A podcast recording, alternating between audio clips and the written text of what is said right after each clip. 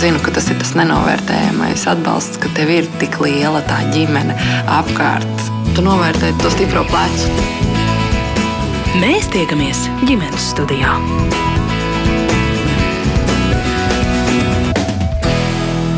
Sveicināti klausītāji!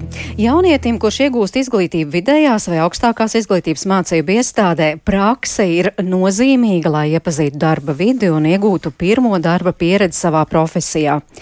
Kā atrast piemērotu prakses vietu, ko nozīmē kvalitatīva prakse, un vai jaunietim par darbu prakses laikā būtu arī jāsaņem samaksa, tūlīt sarunā gan ar darba devējiem, gan jauniešiem, gan starpniekiem starp darba devējiem un prakses vietas meklētājiem. Man sauc Maija. Mērķis Notiņu, un es šeit studijā sasveicinos ar jauno speciālistu nodarbinātības programmas vadītāju vietnieci Agnesi Jurkevicu. Labdien! Labdien. Un pat tālruni mūsu sarunai pievienojas Tele2 personāla daļas vadītāja Aija Bite Ozere. Rīgas restorāna servisa skolas vadītājs Māris Astičs un arī Liepājas valsts tehnikuma direktora vietniece izglītības organizēšanas un attīstības jomā Ilze Kupše. Un vispirms es vēršos pie AIS Bites Ozeres, jo pagājušā gada rudenī mobīlo sakaru operators Tele2 veids jauniešu apto, aptauju skaidrojot, kā jaunieši atraduši prakses vietu, cik daudz iemācījušies prakses laikā un vai par to ir arī samaksāts. Un 20% no viņiem saka, nē, mēs neesam apmierināti. Kāpēc? Vai tas izkristalizējās šīs aptaujas gaitā? Aija, vai jūs dzirdat mani? Jā. Atvainojiet, jūsu izsauktajam numuram nav adresāta. Aija. Un izsauciet vēlreiz. Извините, у набранного вами Jā. номера нет адресата. Mūs dzirdēja, bet, diemžēl, ir tādi tehniski traucējumi. un Varbūt tad sākat stāstīt par to aptauju. Tātad 20% jauniešu nav Izsauciet apmierināti. vēlreiz. Извините, у набранного вами номера Jā, nu, diemžēl mums eh, jāturpina saruna ar Agnesi Jurkevicu. Es ceru, ka mums pievienosies arī visi runātāji, kas mums ir pa tālrunas. Starp citu, Agnes, es jums iedevu izlasīt šo attauju tieši, eh, tieši pirms sarunas sākuma, un jūs teicāt, jā, šie fakti man ir pazīstami. Un varbūt nepārsteidz, ka 20% jauniešu saka, nē, mēs ar prakses iespējām neesam apmierināti. Jā, uh, tieši ko jūs arī tieši pirms šī raidījuma iedevāt izlasīt, tad uh, tā arī bija, kad lasot visus šos uzskaitītos faktus, kad praktikanti nav varbūt apmierināti ar to, ka viņi tiek izmantot kā lētais darba spēks. To mēs esam arī paši dzirdējuši, un tāpatās kā uzņēmumi, ka gaida no praktikantiem, ka viņi jau būs pilnīgi sagatavoti tā, tieši tāpatās kā darbinieki. Un tad tieši tāpēc mēs esam. Šī nodarbinātības uh, programma, kā jūs jau minējāt, kad uh, mēs esam saucamie starpnieki uh, starp šiem uh, praktikantiem, uh, ja precīzāk šajā gadījumā studentiem, kas meklē šo praksi, un starp uh, uzņēmumiem. Un, uh, mēs esam tie, kas atrod uh, to kompromisu, lai būtu apmierināti gan uzņēmumi, gan uh, šie praktikanti. Jo mūsu piedāvātās uh, prakses vietas visas ir apmaksātas, un uh, mūsuprāt, tas noteikti motivē šos. Uh, praktikantus. Toties, protams, nekad nav simtprocentīgi garantija. Arī mēs to nevaram sniegt, kad šie praktikanti būs apmierināti. Mm -hmm. Bet tas, ko mēs uzņēmām, nu, mēs aicinām uzņē, uzņēmumus kā, uh, skatīties uz to, ka, uh, lai šiem praktikantiem noteikti sniegtu šīs izaugsmas iespējas un, un, un lai viņi tiešām pilnvērtīgi iegūtu šīs praktiskās zināšanas. Nu, jūs teicāt, jūs esat starpnieks, kas mm -hmm. meklē kompromisu starp. Jā. abām pusēm, lai būtu apmierināti gan praktikanti, gan arī darba devēji. Kādi ir šie kompromisi? Uh, nu, principā ir tā, ka uh, tas, tas, ko mēs sniedzam uh, praktikantam, ir uh, šī pirmā darba pieredze, uh, jo uzņēmums viņus uh, var uzskatīt kā uh, topošos potenciālos uh, darbiniekus, jo ja viņos uh, ieguldīsies, un tāpat tās arī praktikants uh, ņems visu, ko viņiem uh, dod, tad uh, lielākoties uh, tā prakse rāda to, ka uh, šie praktikanti paliek arī par patstāvīgiem darbiniekiem. Un, uh, tas noteikti ir tas ieguvums, kad uh, viņiem jau ir nodrošināta šī te, uh, darba vieta. Un uh, kā mēs motivējam principā šos uzņēmumus, lai viņiem būtu vēlme uh, vispār darboties ar šiem praktikantiem. Jo, kā zināms, ne visi uzņēmumi skatās uz to pozitīvi, jo nav visi gatavi arī uh, neieguldīt ne laika resursus, ne cilvēku resursus, un tādajādi vienkārši viņi to varētu uzskatīt par tādu kā saucamo pārbaudas laiku, kur attiecīgi var maksāt šo te Konkurētspējīgu stipendiju, bet ne, nu, daudz, varbūt nedaudz samazinātāk nekā, nekā darbiniekiem. Nu, bet tas nozīmē, ka arī darba devējiem tiek sniegts kaut kāds finansiāls atbalsts, uh, lai viņi būtu ieinteresēti, jo ir bijuši ļoti dažādas programmas un visādi ir veicināts šīs Mhm. vai naudas atbalsts strādā? Nu, šajā gadījumā jāsaka, ka uh, visas uh, finanses ir tikai un vienīgi atkarīgas no paša uzņēmuma, uh, kad mēs uh, paši kā programma neko nefinansējam, bet uh, tas ieguvums ir tas uh, uzņēmumiem, kad uh, viņi caur mūsu programmu maksā šo stipendiju. Un šī stipendija, jāsaka, tā, ka nav aplikta ar šiem nodokļiem. Tas varbūt ir tas mīnus, kad šie praktikanti nesaņem šīs sociālās garantijas, bet viņi jau tajā brīdī, kā teikt, iegūst šīs praktiskās zināšanas, un tur arī uzņēmums gūs šo finansiālo labumu, kad nu, pietiekami daudz uz to periodu, kad viņš pārbauda, vai viņš būtu ļoti labs potenciālais darbinieks. Nu, tādā veidā tā kā. Nu, bet ir samaz... arī kādi īpaši nosacījumi tam potenciālajam prakses ņēmējam? Nosacījumi, lai varētu. Jā, tam caur... jaunietim, lai vispār mm -hmm. varētu šajā programmā piedalīties. Nu, principā ir tā, ka caur mūsu programmu var piedalīties pilnībā visi pilnā vai nepilna laika studenti neatkarīgi no vecuma, tad ir uh, vēl atsevišķs uh, noteikums, kur ir uh, nu, mūsu mērķa auditorija ir no 18 līdz 29 uh, gadu jauniem. Uh, cilvēkiem, kas arī uh, nestudē, bet vēlās apgūt uh, konkrēto profesiju.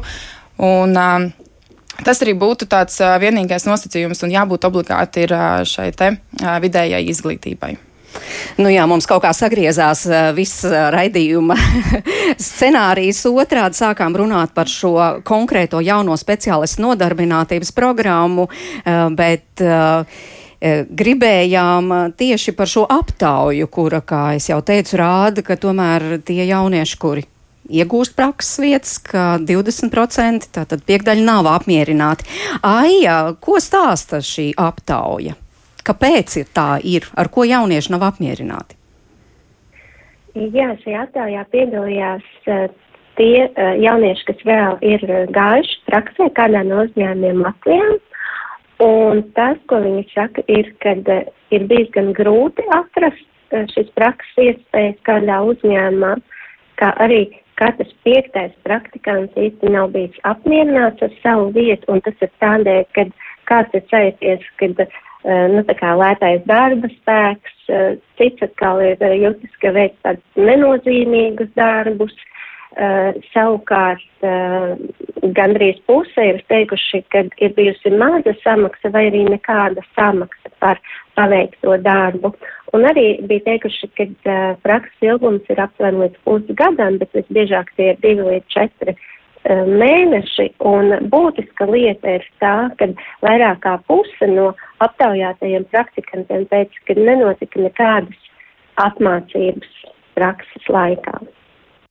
Nu, tas nozīmē, ka darba devējs kaut arī paņem to praktikantu nevienmēr ir uzdevuma augstumos. Kāpēc? Kas pa iemeslu tam varētu būt Mārī Astiči? Jūs arī esat viens no darba devējiem, noteikti pie jums nāk praksē jaunieši. Kā ir ar to darba devēju ieinteresētību?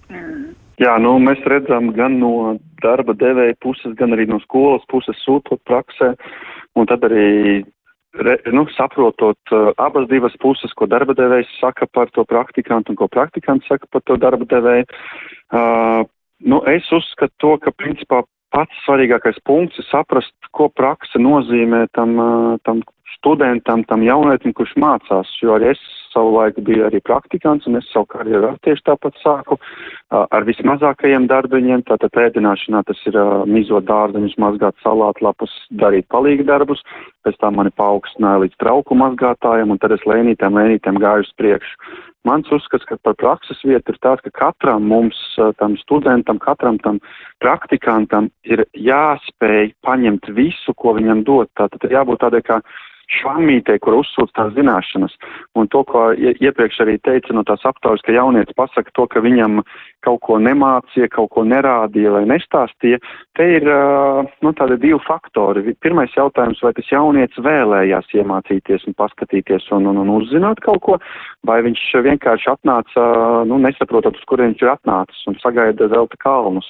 Uh, un es tomēr uzskatu to, ka prakses vieta tā ir ļoti laba iespēja uh, tam jaunietim mācīties esošo profesiju, tātad iegūt maksimāli daudz zināšanu, uh, paņemt visu, ko tā prakses vieta dod, un tas nav tā, ka kāds stāv blakus un visu laiku rāda un stāsta, bet ka mēs paši mēģinām maksimāli daudz to informāciju pamanīt, ieraudzīt, pamēģināt un, un saskatīt, un līdz ar to tad mūsdienās uh, tomēr ir tā bišķiņa problēma ar, ar to vēlmi un ar to dzirksteli acīs, kad tas jaunietis atnāk uz prakses vietu, viņš vairāk domā, ka viņš grib, grib būt liels vadītājs uzreiz par pirmo dienu un saņemt lielu atalgojumu, bet līdz tam vēl ir jāiet un jāiet, un līdz ar to tad man tas uzskats no, arī no darba devēja puses ir, nu, kad tam jaunietim nākot praksē, viņam vispirms ir jāsaprot, nu, kas viņš ir, ko viņš vēlās iegūt un, un, un, un iemācīties. Liepājas, jā, Liepājas valsts tehnikums Ilze vai jaunietis jau tā kā skolas solā spēj tā īsti saprast, nu, ko viņš īsti grib un kas īsti tur tajā praksē būs jādara un ko no tās varēs iegūt. Mm -hmm.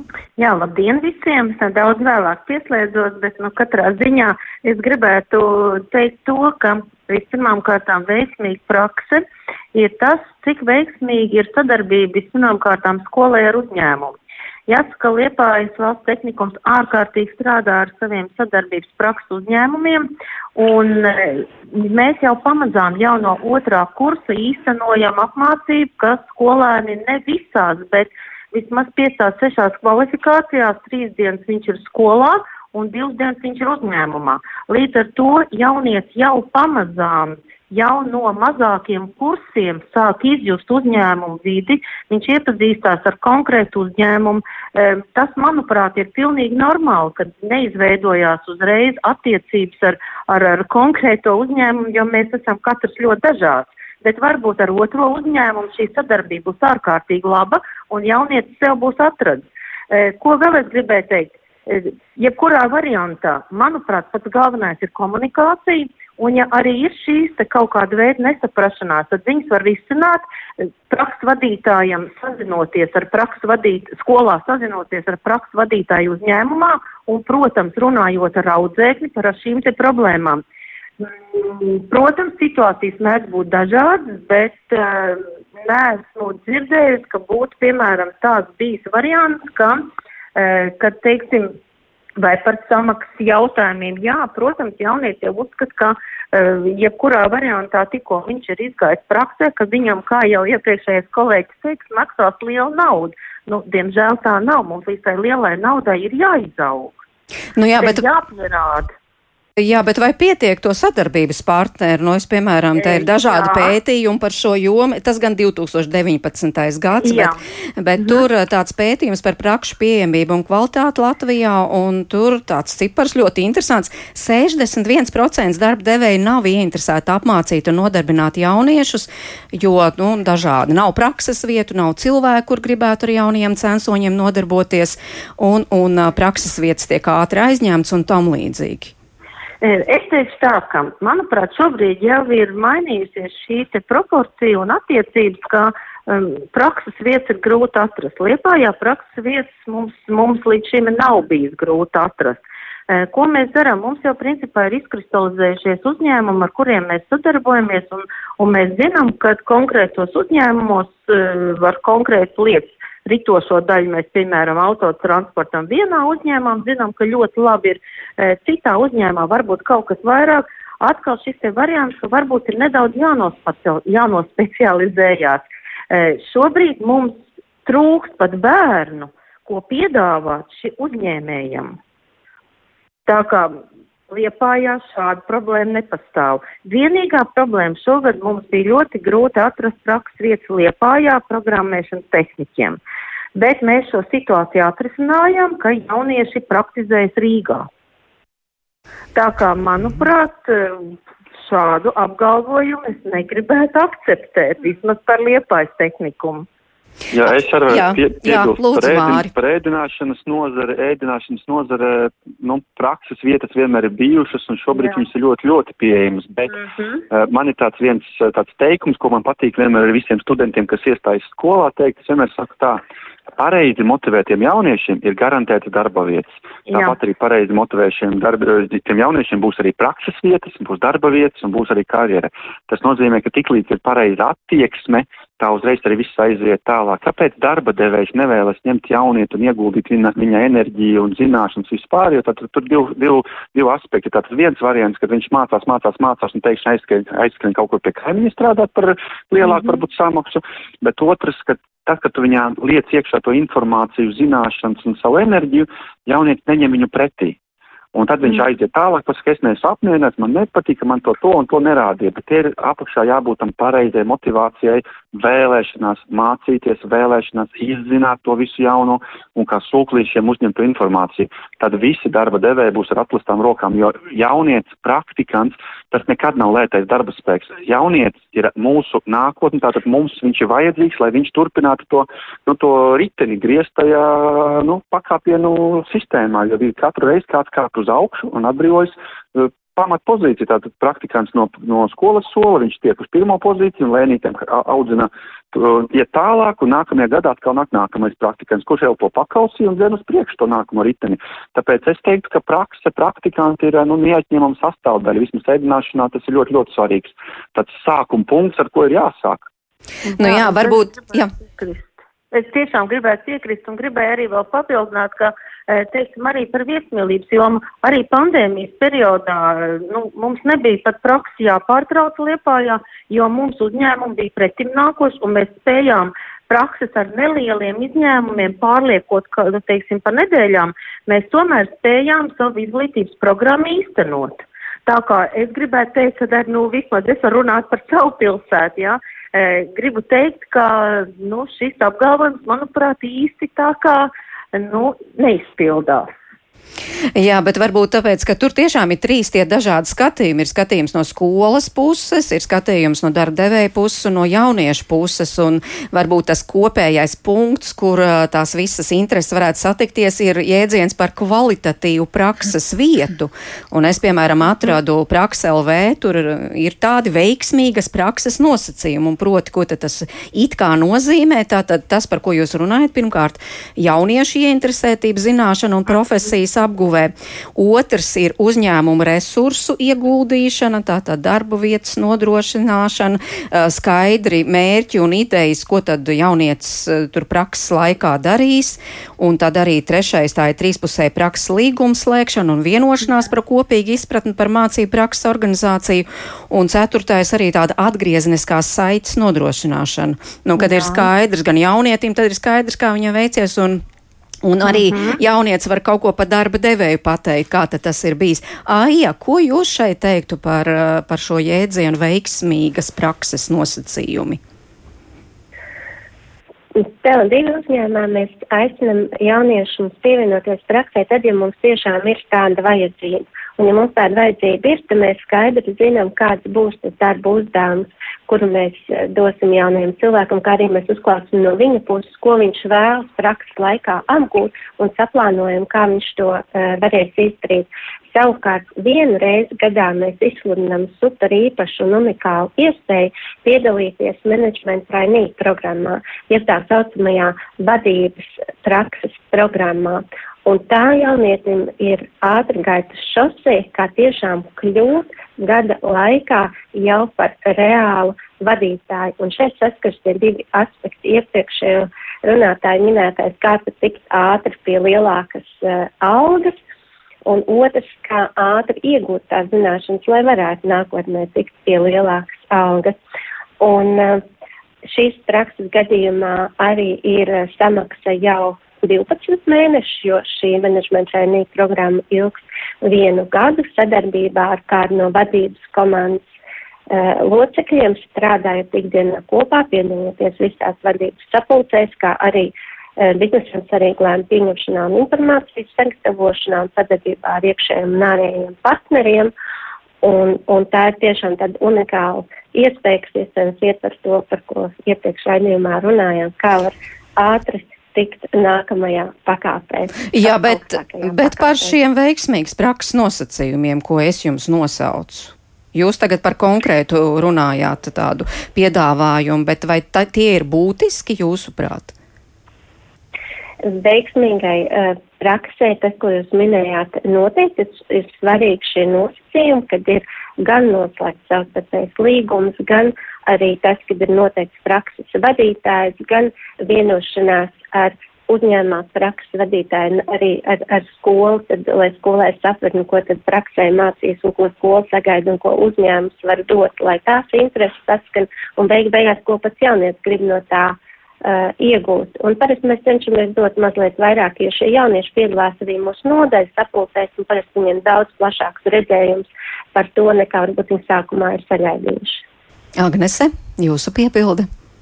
Jā, nu mūsu gadījumā tas uh, pats mūsu mērķis ir noteikti. Uh, lai būtu kvalitatīva šī praksa, un arī uz, uzņēmumi noteikti ir ieinteresēti ar tiem, ar kuriem mēs sadarbojamies, ir ieinteresēti, lai būtu šīs izaugsmas iespējas šiem jauniešiem, un līdz ar to arī atgriežoties pie tā lētā darba spēka, nu, tas mūsu nav ne mūsu mērķis, ne uzņēmuma mērķis. Izmantot šos jauniešus tikai tādiem darbiem. Un, līdz ar to tā kvalitāte, kvalitāte būtu svarīga gan no uzņēmuma puses, lai būtu kvalitatīva praksa, kā arī pašam praktikantam, ja viņam ir mērķis tiešām nu, iegūt šīs izaugsmas iespējas. Un paldies, ka arī klausītāji iesaistās mūsu sarunā. Piemēram, kāds klausītājs, kurš negrib minēt savu vārdu, saka, žēl, ka no Liepājas valsts tehnikuma pārstāvi nestās taisnība pandēmijas laikā automehāniķiem bija pašiem jāmeklē prakses vieta. Liepāja, varbūt, varbūt uzreiz var arī atbildēt. Nu, nezinu, līdz šim katrā ziņā mums ir uzņēmumi ar ļoti, ļoti labi uzņēmumu Liepājā un e, automehāniķu uzņēmumu, un līdz šim es neesmu gan dzirdējis no saviem kolēģiem, ka mums būtu bijušas problēmas ar prakses vietām. Noskaidrošu, uzzināšu. Jā, bet nu, tā jau ir mūsdienu realitāte, ka arī paši jaunieši meklē prakses vietu. Jā, protams, jauniešiem ir iespēja arī pašiem meklēt, bet katrā ziņā šobrīd ir šī situācija, kad uzņēmums zvana uz skolu un jautā par, par iespēju, lai jaunieši iet uz konkrēto uzņēmumu. Un mums ir ļoti laba sadarbība ar uzņēmumiem, tā kā par šādu faktu es gan nebiju dzirdējis. Klā, tad klausītāja māja raksta, praktikanti mēdz būt dažādi. Ir, kas ar entuziasmu ķers klāt visiem darbiņiem, un ir tādi, kas jau ienākot telpā signalizē, nu, kas tad man būs jādara, un visi grib uzreiz tos lielos darbus darīt, bet, uh, uh, nu, kad, ja viņiem tiešām liek to lielo darbu darīt, tad nesaprot pašus pamatus, nu, piemēram, kā nomizot un sagriezt to pašu kartupeli. Māri? Uh, jā, ir divi dažādi varianti, protams, un uh, es jau ar no, diezgan lielu pieredzi arī uzņemot praktikants arī darba vietā. Principā darba devējs, viņš jau redz uzreiz, kad ienāk tajā pirmajā dienā, kādas viņam tās acis ir, vai tur ir tāds dzirkstelīt, vai viņš vēlēsies darboties, ņemties vai nē. Uh, es uzskatu, ka katra prakses vieta, paņemot uh, studentu, īpaši arī ēdināšanu, es atceros arī pats sevi, mēs ienākam kā balta lapa, un uh, to, ko jūs mājās mākat mizot vai skolām mākat mizot burkānu vai kartupeli katrā ēdināšanas uzņēmumā, viņi mizos savādāk. Un attiecīgi tā uh, darba iemācīšana, tad uh, posms pa posmam, katras darba devējs māca jau pa savam, izveido un sakārto. Bet te ir tā, ja mēs mazliet no skolas puses skatāmies pret darba devējiem, ir ļoti daudz arī darba devēji, kuri uh, uzskata, ka viņu tā informācija, zināšanas ir slepena informācija un nedalās ar to studentu. Un tad, jā, tad gan students nāk un sūdzas, īpaši tas varbūt ir izteiktās kādā konditorijās, kur vairāk slēptās receptūras, un tad viņi saka, jā, mums tur jāva darīt kaut ko nedaudz, nedaudz, un attiecīgi visu pārējo slēpa. Mans atkal redzējums no darba devēja puses uz, uz, uz to praktikantu, tad es rādu visu, es dodu visu, es viņam lūdzu pierakstiet, fiksējiet, degustējiet, fotografējiet, lai pēc iespējas viņš ātrāk apgūtu tās jaunās lietas, lai viņam nav jā, jārāda katreiz vienu to pašu, bet te būs atkarīgs tikai un vienīgi no tā jaunieša. Ja viņam ir tā dzirkstele, Nav vienalga, ir pilnīgi vienalga, vai viņš prot vai neprot mizot to kartupeli. Viņš iemācīsies. Ja viņš atnāk un saka, es to nedarīšu, man tas nav jādara, es tagad darīšu tikko to, kas man rakstīts, būšu tikai vadītājs, nu tā nenotiek. Ir jāaiziet pēc kārtas, un arī, ja mēs runājam par, tieši par to audzēkni, tad būtu vēlams nevis katru reizi iet pilnīgi citā prakses vietā, bet uh, atnākot vienu mēnesi vienā prakses vietā, jo pirms mums skolā ir mēnesis skola, mēnesis praksa, mēnesis skola, mēnesis praksa, tad turpināt praksi tajā savā prakses vietā jau izvēlēt, ja vēlreiz otro mēnesi, trešo mēnesi, un tādējādi viņš iet soli pa solim uz priekšu. Ja katru mēnesi jaunietis samaina prakses vietu, tad viņš sāk pilnīgi no, no nulles, no pirmā punkta, jo darba devējiem ir jāizpēta, ko viņš prot, ko viņš neprot. Un tāpēc te ir tāda nu, laba sadarbība, atklāta sadarbība, kad uh, skola, students pasaka, ko viņa vēlas uh, iegūt kādas zināšanas, kas viņiem praksē ir jāmācās, kas ir praksē jāizzina, un darba devējs saka, jā, es to varu izdarīt, un tu darīsi to un to un to. Un tāpēc vienmēr jābūt savstarpēji komunikācijai, jābūt ir informācijai, jābūt jārunājas savā starpā. Un tas ir tas, ko es ļoti bieži pamanu. Katram studentam ir savs prakses uzdevums, viņš atnāk, viņš nostrādā pirms mēnesi, un viņš parāda to savu lapu mēnešu beigās, jāsliek atzīmes, un tad tu skaties, ka tur īstenībā bija pavisam kaut kas cits, kas viņam bija jāizzina. Tas nozīmē, strādājot punktu A, viņš var pa paralēli mācīties B, C, D, tātad viņam pašam ir jābūt tam, vēlmei dabūt to informāciju, redzēt to informāciju. Un es, piemēram, sākot mazgāt trauks, es biju praktikants, es mazgāju trauks, un plus es skatos pa labi, pa kreisi, ko dara blakus pavāri. Arī tā ir nu, iespēja mācīties. Tas nav tas, ka jums iedavam izdot kartupeli, jūs neko citu nevarat redzēt. Jūs varat ja jūs gribat. Un vēl klausītājs Ainārs raksta nācās būt pieredzes apmaiņā Rietuma Eiropas uzņēmumā.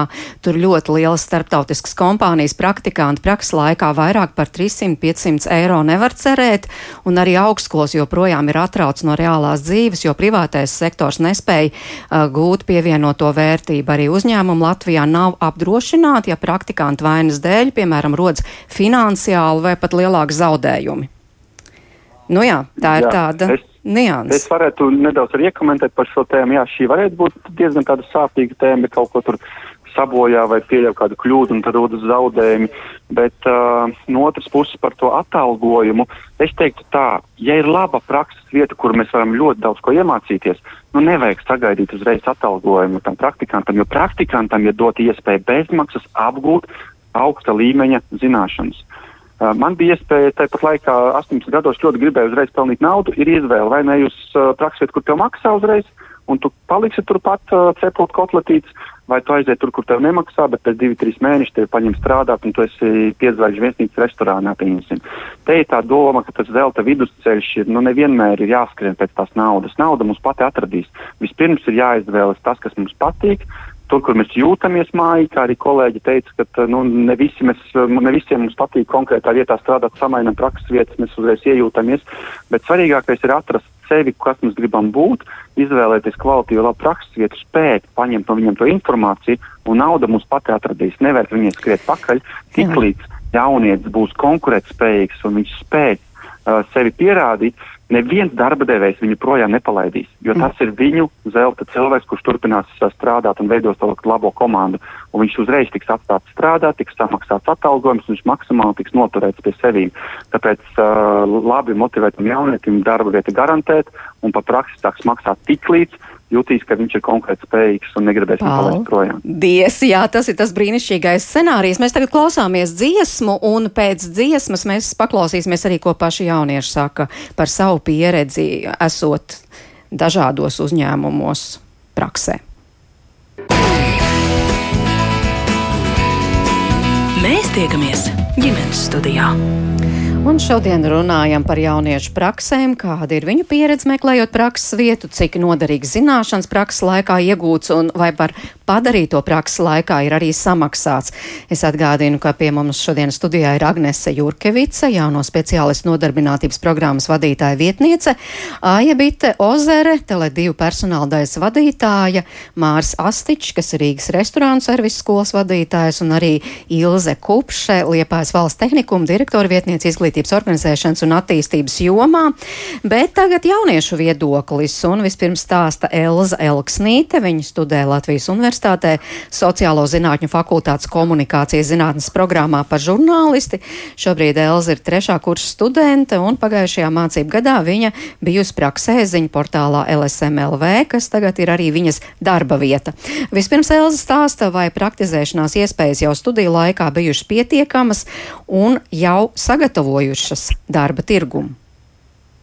Man prakses ir vairāk kā pietiekami, jo teorētisks, es teiktu, bija tikai pirmais mācību gads, pēc tam teorija bija tāda sekundāra, jo mums tiešām pasniedzēji liek reāli, kā mēs mācāmies kā žurnālisti, viņi mums reāli liek intervēt, filmēt, rakstīt, montēt visu iespējamo. Mēs ļoti, ļoti maz laika pavadām mācoties teorijas. Turklāt mums ir tā obligātā sešu nedēļu vai sešu kredītpunktu praksa, kas ir jāiziet. Praksēs gāju bērnu satura redakcijā ziņu portālā lsm.lv, kur palīdzēju veidot dažāda veida rakstus, bet šobrīd strādāju dzīves stila redakcijā, kur no Latvijas radio raidījumiem veidoju rakstus. Praksē bērnu satura redakcijā man uzticējās, prasīja gan manas dažādas idejas un tēmas, gan piedāvāja savas, ko es varētu īstenot. Tad tos vēlāk rediģēja, stāstīja man, kur manas kļūdas, kaut ko laboja, bet uh, visi tika publicēti. Tad ar laiku tev ar vien uh, vairāk pienākumus, un tagad uh, dzīves stilā satura redakcijā es strādāju jau kopš rudens. Jūlijā pirmajās divās nedēļās, kad es skaitījos praksē, tad par to nemaksāja, bet pēc tam uh, drīz vien mani nu, pieslēdz ar mani līgumu un tad sāka maksāt.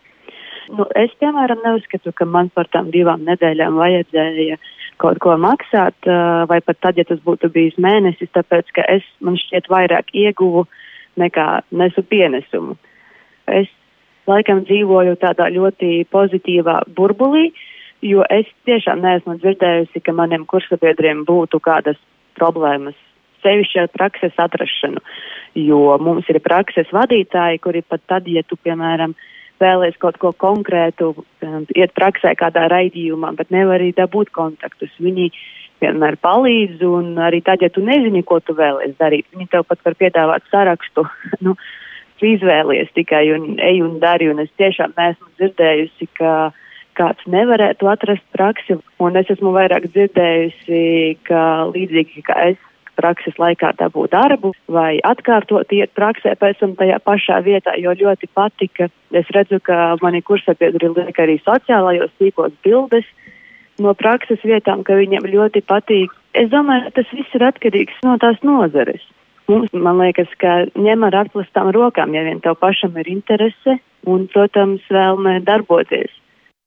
Un vēl viens pieredzes stāsts. Džuliete Jēkabsona jau trešo gadu Valmieras tehnikumā mācās par pavāri, un tieši praksēs pavadītais laiks viņai tā pa īstam ļauj saprast, ko tas īsti nozīmē īsta pavāra māksla. Nu, pirmajā praksē es biju Pērma restorāns, tas pie Mārā Stiča. Priekš pirmās prakses tas bija nenormāli wow, nu, kā viss notiek ar to ēdienu, kā restorānā viss notiekās nu, kāds stress ir tajā virtuvē, kad tie cilvēki un katram cilvēkam mēģina pielāgoties. Ja kaut kas nav ne tā, tad mēģina kaut ko citu uztaisīt. Tas klients, tas cilvēks ir tas svarīgākais. Un ļoti lielam radošumam arī jābūt un jāmāk to ēdienu tā pasniegt skaisti, lai gribētos viņu ēst un nofotografēt. Un sākumā jau vienmēr ēda ar acīm. Un tā bija ļoti lieliska pieredze. Pēdējo praksi, kas ir šogad, es gāju pie Mārtiņa Rītiņa, Vincentā. Wow, tas bija. Nu, es vispār tas bija kā kultūra šoks. Es pat nezināju, ka tā var būt. Nu, kā viņi pret to ēdienu visi izturās, visi tā katra lietiņa, tas katrs sīkumiņš, kā viņi nomazgātos augļus vai dārziņus, no kurienes atved to visu. Nu, par visu tur ir padomāts. No, no piena līdz olām, pa katru zaļumiņu viņi tur uztraucās, kā viņš tur stāv, cik ilgi. Tā, tas bija visvērtīgākais. Sākumā, protams, es esmu tajā augstajā cehā, kur ir jāgriež tādi dārzeņi, tur jāmizo, jātīra un tādas lietas jāšķiro. Bet, nu, ja tu parādi to interesi, ka tev patīk tas un tev gribās, un ka tev tiešām tas interesē, tad tev arī jau liek kaut kur tālāk. Tad tev liek tas, uz ko taisīt. Tad tev parāda, kā to gatavo, kā to. Tad tā visu laiku jautā jautājumus, un tad tev viņi arī ļauj darīt nu, to lielāko, to foršāko darbu, kas ir, tur, piemēram, to ēdienu, nu, sataisīt viņu skaisti, pēc parauga un tādas lietas. Nu, tev jāparāda interesi, ka tev tiešām tas patīk, un tad arī tev laidīs kur citur. Nu, nē, man nemaksāja, bet es domāju, ka kā pirmajai praksē noteikti nevajag būt tādai, kur apmaksāt, tāpēc, ka tev pašam jāsaprot, vai tiešām tas ir tas, ko tu vēlēsies darīt.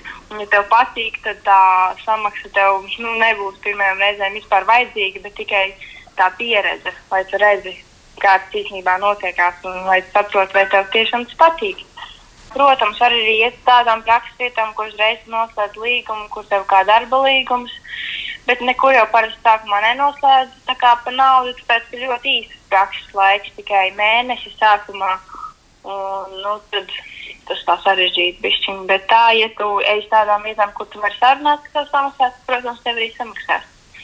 Jā. Parastos praktikantiem nu, nemaksā. Jo neviens jau nezina, ko tu māki un ko tu nemāki. Un tu jau arī nekur neesi baigi strādājis tā.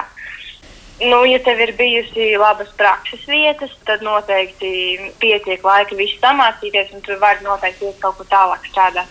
Bet, ja tu ej vienā un tajā pašā vietā, tad to praksi katru gadu, tad nu, tu vari pēc tam iet uz to vietu strādāt. Bet tā, ja tu arī ej uz kādu vienkārši bistro vai parastu kafejnīcu, tu jau neieraugi to īsto pasauli, kāds notiekās restorānos. Tas atkarīgs pats no tevis, kā tu izvēlējies, kur tu gāji savas prakses.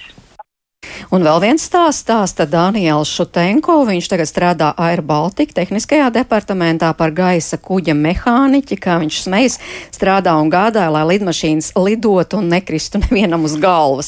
Bet iespēja atrast šo darbu bija pierādot uh, savu varēšanu darbdevējiem tieši prakses laikā. Mums pagājušā vakarā bija praktiskās mācības Liepājas lidostā, tehniskajā angārā. Vasaras beigās, kad bija augusts, sākās e, praktikantu studentu atlase uz e, oficiālajām darba vietām. Un principā mani un vēl vienu manu kursa biedru atlasīja, divus no pieciem cilvēkiem. Un no septembra mēs turpinājām to pašu praksi, tikai principā jau kā oficiāli darbinieki. No sākumā, protams, mums neuzticēja kaut kāds ļoti sarežģītus e, un atbildīgus uh, darba pienākums. Mēs principā sākām ar to, ka mēs e, gādājām par to, lai angārs būtu tīrs, lai instrumenti būtu salikti, runājot par darbiem attiecībā pret lidmašīnām. Pašā sākumā mums lika vienkārši tā stīrīt, paturēt kādu instrumentu, kur lukturi pieturēt pareizi. Un tad jau pamazām, pamazām sāka mums uzticēt un mācīt ar vien nopietnākus un sarežģītākus darbus darbinieki tehniskajā angārā, viņi skatījās uz katras individuālajām spējām un prasmēm, un katram individuāli uzdeva sarežģītāks um, uzdevums. Manā gadījumā tie bija aptuveni divi mēneši. Pēc diviem mēnešiem es varēju droši pateikt, ka es pilnībā visus sarežģītākos un grūtākos darba pienākumus varu veikt. Par praksi mums nemaksāja. Neuzskatu, ka tas bija diezko pareizi, jo mēs praksē pavadījām pilnu darba laiku. Vasaras vidū vispār sākās darbs mājās, 12 stundas, 4 pa 4 vajadzēja strādāt. Un, piemēram, manā gadījumā, ja man nebūtu iespēja dzīvot pie vecākiem, es nezinu, ko es iesāktu. Jo 4 dienas pēc kādas 12 stundas jāatros praksē, par ko tev neko nemaksā paši mēs saprotam, ka ir arī jāēd, ir jāmaksā par degvielu mašīnai, par mašīnas uzturēšanu un tādā garā. Tas, protams, nebija diezko korekti, bet mm. vienīgais bija tas, ka bija mums stipendija. Tur jūnijas sākumā, ja nemaldos, un septembra sākumā par augustu mums bija stipendija. Vismaz kaut kas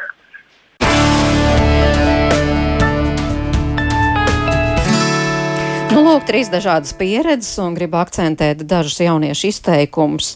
Nu, piemēram, mēs dzirdējām pirmajā stāstā, tas atkarīgs no nozars, ar kuru saisti savu profesiju, vismaz topošos žurnālistus izklausījās, tiešām ņem ar atplastām rokām.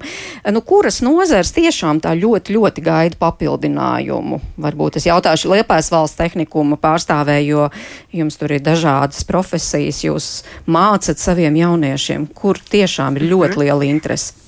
Jā, nu tātad Liepais valsts tehnikumā mēs īstenojam vairāk par 20 kvalifikācijām, tie 26. Jāsaka, šobrīd uh, vislielākā, uh, tāda vislielākais audzēkņu skaits mums ir STEM joma, tātad tehniskajās jomās, tātad šīs ir mašīnas zinības, metāla apstrāde, um, gribētu šeit arī minēt klāt uh, datori un programmētāji, Un jāsaka, šajās jomās ir ārkārtīgi, tāpat arī gaiskuģa mehānika, kas ir mūsu jaunā izglītības programma, ko mēs īstenojam otro gadu un ir ārkārtīgi veiksmīga sadarbība ar Air Baltica, jo reāli praksa vietas nodrošināja pilnīgi visiem audzēkņiem tieši Air Baltikā.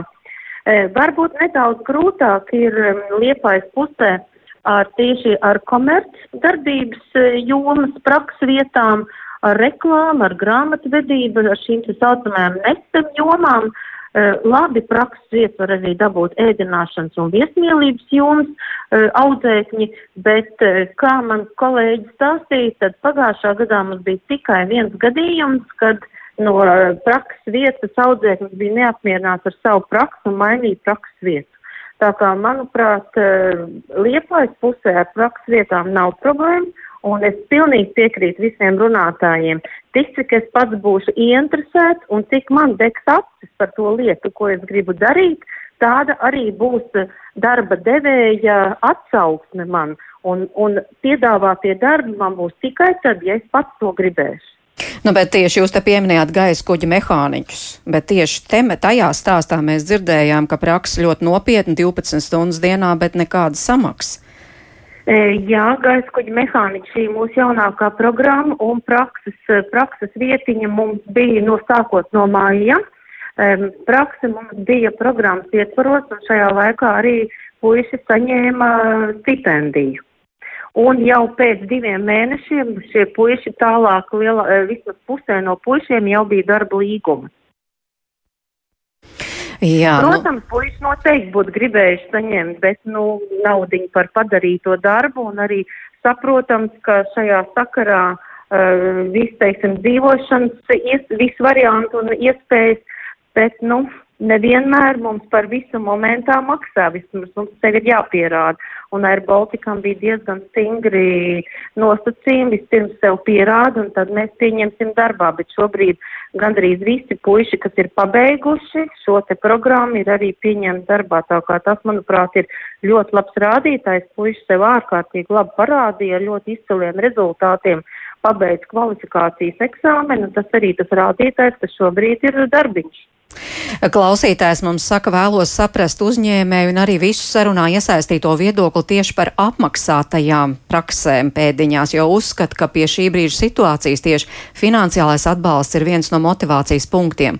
Cik saprot no uzņēmuma pārstāvja, ka tomēr labāka praktikants, lai mācās un strādā par velti. Ne visur tā notiek, nevienmēr praktikants ir melnā aus, bieži vien uzņēmējs ir skops, kas tikai krāmē darbus, bet maksāt īsti negrib negrib, vai arī, ja tomēr maksā, tad ļoti maz neproporcionāli padarītajām. Mūsdienās, diemžēl, ar mācīšanos ir grūti sev pabarot. Uh, Māri, jūs uh, šoreiz tos uh, uzņēmējus pārstāvat. Kā jūs atbildētu? Es atbildēju pavisam elementāri. Lielākā daļa cilvēku ir aizmirsuši uh, terminu, kas ir alga, un viņas nav apkalpotas personāls, kas saņem deram naudu. Tātad deram naudu un atalgojums ir tikai vienīgi par labu paveiktu darbu. Tas nozīmē, ka tas nav pienākums darba devējiem nodrošināt jebkuru studentu tikai tāpēc, ka es atnācu un man pienākas. Nevienam nekas nepienāks, vispirms ir jāatnāk, jāparāda sevi, jānes kaut kāda, nu tā tad jūs arī iepriekš kaut kādā runātājos, ka kāds pieminēja to, ka ka darba devējs nav pasargāts, ja praktikants pieļauj kaut kādas uh, kļūdas, kas rada finansiālu zaudējumus un tā tālāk. Tie ir tādi riska faktori. Bet uh, nu, mums, piemēram, pieredze, e, esot arī gan skolā, gan arī darba vietā, ir studenti, kurus pieņem darbā arī pēc pirmās prakses, ir studenti, kurus pieņem uh, pēc pusgada darba, un ir studenti, kurus, nu, principā vienkārši nekad arī nepieņem, nepieņems, jo viņi nevēlās vienkārši strādāt. Un arī pakomentējot iepriekš, ko stāstīja jaunieši, uh, Uh, nu, tieši tā, nu, kādu pieņems darbā, kādam maksās, kādam vienkārši būs jāturpina vai mācīties, vai nu jāpamaina kaut kāds uh, dzīves redzējums. Uh, nu, nav tāda pareiza, nu, tāda punkta, kad, uh, jā, nākat praksē pie mums uz fermu, mēs uzreiz jums visiem maksāsim, neskatoties to, ko jūs darīsiet, ko jūs nedarīsiet. Pie mums tieši tāpat nāk sākotnēji uh, mācīties, strādāt, un tad, attiecīgi, tiklīdz viņi ir spējīgi kaut ko darboties, darīt, viņiem tiek uh, piekabināta atalgojums klāt. Mm -hmm. nu, un tas, domāju, ir pareizākais veids un virziens nekā uzreiz piešķirt algu, un tas jaunietis sēdēs un teiks, man pilnībā pietiek, es neko nedarīšu, man nekādas atbildības nav, es tikai saņemšu. Nu, es teiktu, ka nu, es ne, gluži nepiekrītu tam, ka automātā uzreiz visus vajag motivēt ar naudu, jo nauda nav, nav, nav motivācija. Cilvēkam Jā. jābūt iekšējai motivācijai kaut ko darboties un darīt un mācīties. Jā, bet es Aija gribu arī jums jautāt, vai tomēr arī tiešām šīs naudas aspekts nav kaut kādā ziņā arī dzinulis pamest, piemēram, mācības, neturpināt izglītoties, neturpināt uh, kāpt augšu pa karjeras kāpnēm? Tā noteikti var notikt, un tādi gadījumi ir uh, zināmi. Uh, bet es teiktu, ka, ja mēs runājam tieši par tām prakses iespējām, tad, lai arī tas ir tāds ļoti jūtīgs eh, jautājums daudziem mūsu uzņēmumiem, tomēr tādā pasaules skatījumā mēs redzam, ka uh, citās pasaules valstīs vismaz minimālu atalgojumu maksā praktikantiem, jo viņi saredz šo cilvēku kā savu nākotnes kolēģi.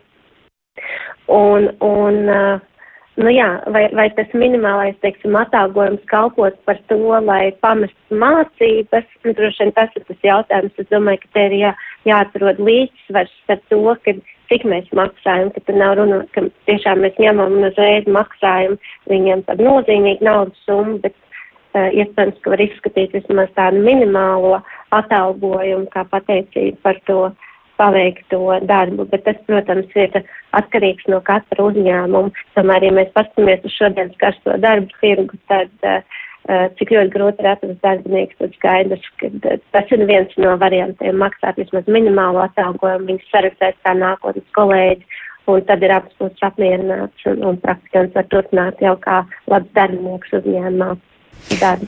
Jā, Agnes, mēs ar jums sākām sarunu, ar jums arī gribu beigt. Klausoties visu šo un ņemot vērā savu pieredzi, darbojoties jauno speciālas nodarbinātības programmā, vai jums šķiet, ka vajadzētu kaut kā to prakses jomu sakārtot vairāk, kaut ko pamainīt, kaut ko uzlabot? Nu, te noteikti varētu, par cik minējāt, tikko arī visi runāja par šo te uh, apmaksāto prakses vietu, tad uh, vēlētos, nu, pateikt to, ka noteikti obligātajā praksē varbūt nav gluži jāmaksā, bet ja praktikanti tā iemesla dēļ nav apmierināti ar šo prakses vietu, kad netiek maksāts, tad visas iespējas vērsties pie mums un visas prakses vietas būs arī apmaksātas. Līdz ar to varbūt tādā veidā tiks uzlabot viņu apmierinātība. Un no tad Sanita vēl saka, bet kā tad Āgnes var pieteikties jūsu programmai? Uh, noteikti var apmeklēt uh, mūsu mājaslapu nodarbinātība.lv, un tad jau tālāk būs kontakti, droši var sazināties, un tad jau tālāk izrunāt visas pārējās iespējas. Paldies šīs dienas viesiem ģimenes studijā Agnesei Jurkevicai, Ājai Bitei Ozerei, Mārim Astičam un Ilzei Kupšei, raidījuma producenti Ilza Zvaigzne, Rīt Karnača pie skaņpults un es mērķi notiņu pie mikrofona. Un uh, tiekamies atkal rīt 5 minūtes pār diviem. Mēs runāsim vai tēvs var būt greizsirdīgs uz savu bērnu un kā rīkoties šādu izjūtu gadījumos.